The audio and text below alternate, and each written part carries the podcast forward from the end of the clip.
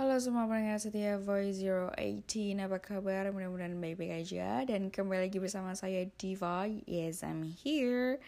Malam ini akan saya bawakan kembali bagaimana kelanjutan kisah horor Yang dialami langsung dari Mas Pono.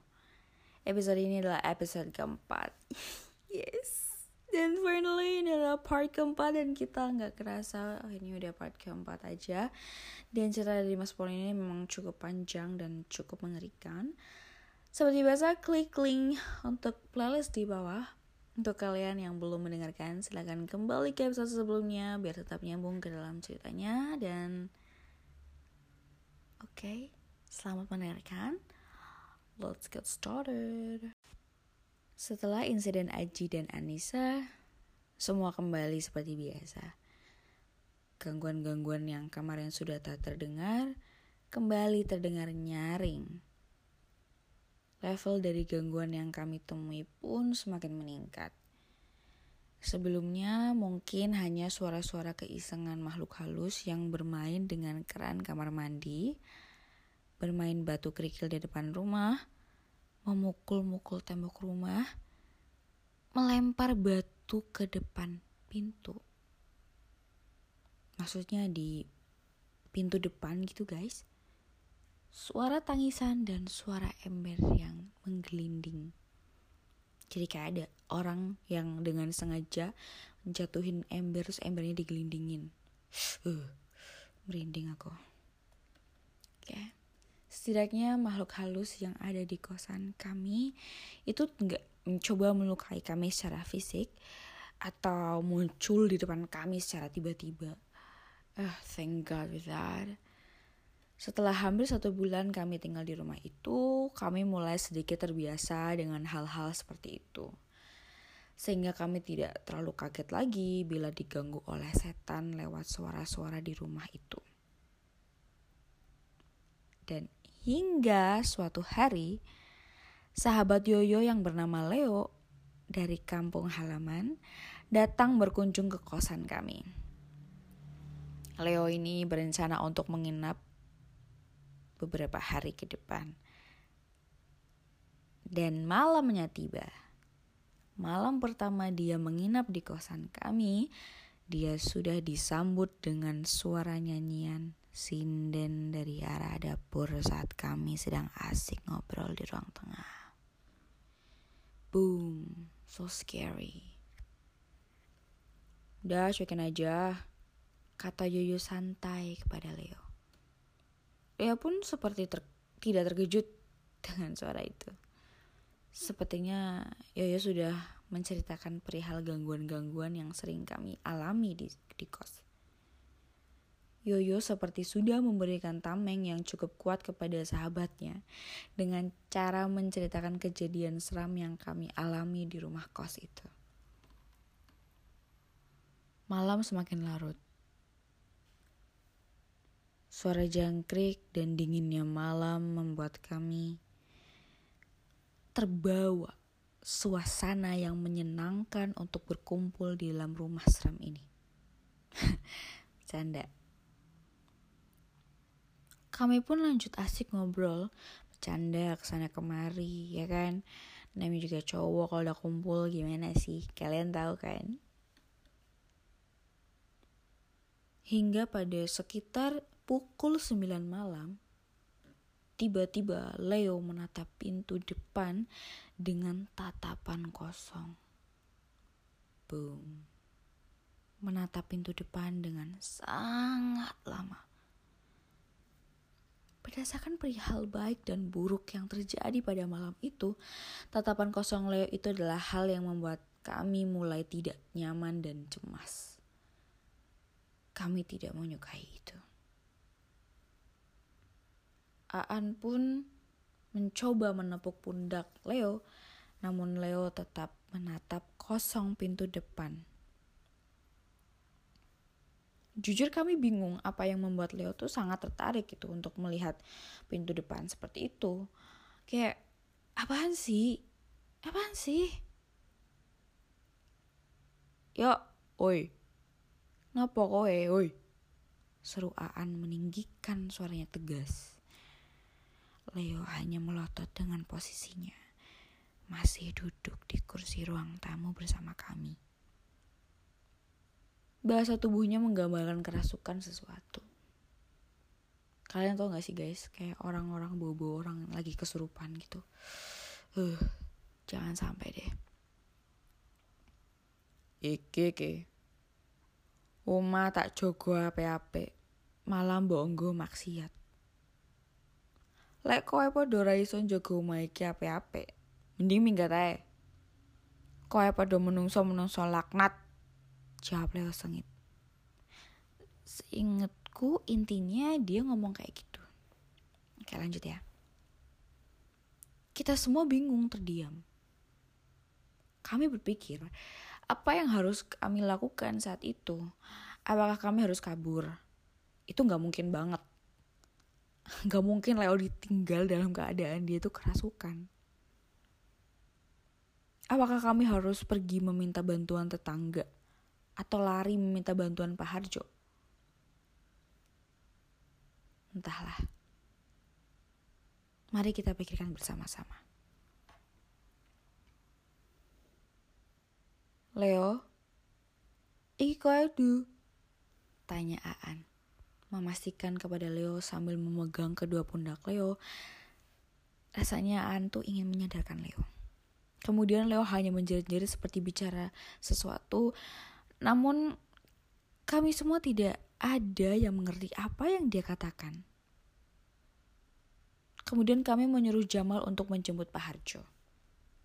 Kami bertiga hanya memegangi Leo yang terus memberontak. Tak lama setelahnya, ada anak kos depan datang berlarian menghampiri karena mendengar Leo yang berteriak. Uh, si cewek-cewek ini, kon kos depan ini kan kos cewek gitu kan. Si cewek ini jumlahnya ada empat yang menghampiri ke kos kami. Dan salah satu anak kos depan, ya itu ya sebut saja namanya Sasha dan Sasha ini tiba-tiba jatuh pingsan gak tahu kenapa setelah dia itu natap mata Leo. Boom. I like mystery. Kami yang masih sadar di sana dibuat makin panik. Akhirnya Pak Harjo pun tiba di rumah kos seram kami. Iya, kami ngomongnya rumah seram aja deh kami menunjuk ke arah Sasha, ada sesuatu yang salah juga terhadapnya. Seperti kami minta bantuan, kami hanya ingin berteriak rasanya kepada Pak Harjo, Pak tolong Sasha, Sasha juga harus ditolong dulu Pak, dia itu kenapa gitu, biar kami ngehandle Leo terlebih dahulu, kita pegangin Leo terlebih dahulu. Soalnya kita ya kayak gitu dan kita tuh kayak gak tahu mau ngomong apa, apa yang harus kami dahulu itu, gitu kan. Kemudian Pak Adi Harjo langsung mengusap muka Sasha dengan tangan kosong. Langsung gitu guys. Sasha yang pingsan dan tiba-tiba matanya terbuka dengan sangat lebar. Melotot ke arah kami yang sedang sibuk memegangi Leo yang masih memberontak. Pade Harjo mengusap muka Sasha sekali lagi dan akhirnya, Alhamdulillah, Sasha kembali normal. Aku tidak mengerti apa yang Pak Ade Harjo lakukan. Mungkin mulut Pak Harjo komat kamit atau berdoa cukup dalam hati saja. Um, ya, yang jelas pada saat itu aku hanya sibuk memegang Leo. Jadi ya, alhamdulillah ada Pak Harjo yang membantu kami pada saat itu Semoga pahala Pak Ade Harjo banyak. Amin. Menurut Pak Ade Harjo, lebih baik Sasha dibawa pulang saja. Oleh karena itu, tanpa berpikir panjang, teman kosannya pun pulang dan mengantar Sasha ke kamarnya. Ya udah nih, mereka berempat baliklah ke kosan mereka. Udah kan, udah selesai. Rasanya kayak udah selesai urusannya sama Sasha. And thank God with that. Setelah Pak Harjo selesai dengan Sasha, dia langsung menghampiri kami yang sudah mulai lelah. Tangan kami udah mulai pegel, Pak, menahan Leo yang kala itu seperti memiliki tenaga sekuat Hulk. Super baja guys. Kami bertiga yang menahannya pun dibuat kecapean. Huh, Pak Harjo kemudian menanyai beberapa hal dan menyadarkan Leo. Ya biasa loh, kalau misalnya ada orang kesurupan kan kadang kayak si pawangnya itu kayak ngewawancarai yang kerasukan itu. What happened? What exactly? And who are you? Gitu kan. Ya waktu itu aku lupa detailnya bagaimana. Yang jelas pada saat itu ya Pak Harjo hanya menanya-menanya kepada Leo mode kesurupan itu. Uh, singkat cerita, semua kembali normal dan Leo pun kami baringkan di kamar Yoyo. Kemudian kami ngobrol dengan Pak Harjo di ruang tamu. Aslinya obrolan kami biasa aja. Nothing special.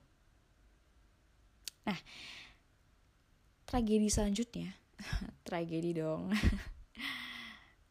sekitar pukul 11 malam saat itu.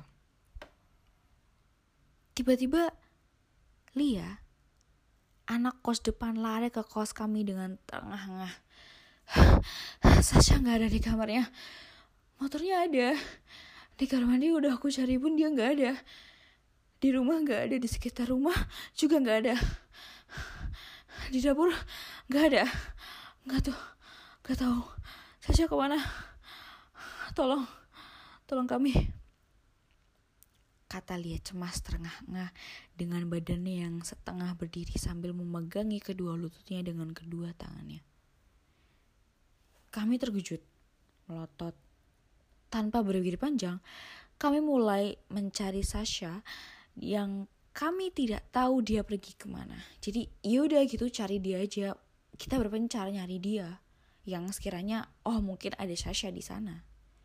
Lia dengan khawatir menjelaskan kalau dia mau lihat kondisi Sasha, namun Sasha sudah tidak ada di kamarnya. Padahal Sasha kan masih lemes banget gara-gara kejadian tadi di rumah kosan seramku. Pade Harjo memimpin kami untuk mencari keadaan Sasha. Kayak like, hey Sasha, where are you? We are here to protect you. We are here to saving you. So please, hold on. Oke. Okay. Dan you know what? Kisah episode malam ini berakhir dulu sampai di sini guys. Kalian mau tahu Sasha ternyata ada di mana? Tunggu aja untuk episode selanjutnya. Ini udah mulai seru banget, udah horor banget. Aku aja yang ngebacain ceritanya, udah merinding-merinding parah.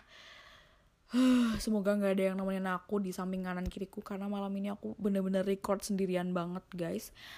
Oke, demikian untuk episode keempatnya. What do you think guys? Komen di bawah untuk part 4-nya. Mungkin ada kurang dan lebihnya. Tolong komen banget di bawah. Bagaimana guys? Sudah mulai penasaran kan? Sasha sebenarnya ke mana sih? Ya kan? Biar tahu bagaimana kelanjutannya, jangan lupa follow kami di Spotify Voice 018 dan jangan lupa subscribe channel kami di YouTube. Gampang banget Voice 018 juga. Setelah follow fanpage di Facebook kami di Voice 018 dan as you guys know semua nama akun kami adalah Voice 018 dan jangan lupa aktifkan tombol notifikasinya agar tidak ketinggalan update dari kami. Gampang banget kan?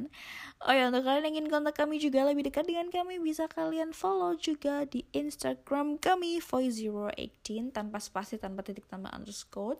Tinggal tuh saja Voice018, pasti langsung ketemu. Oke okay guys, selamat malam. Semoga kalian bisa tidur dengan nyenyak dan berani ke toilet sendirian. See you guys. Bye.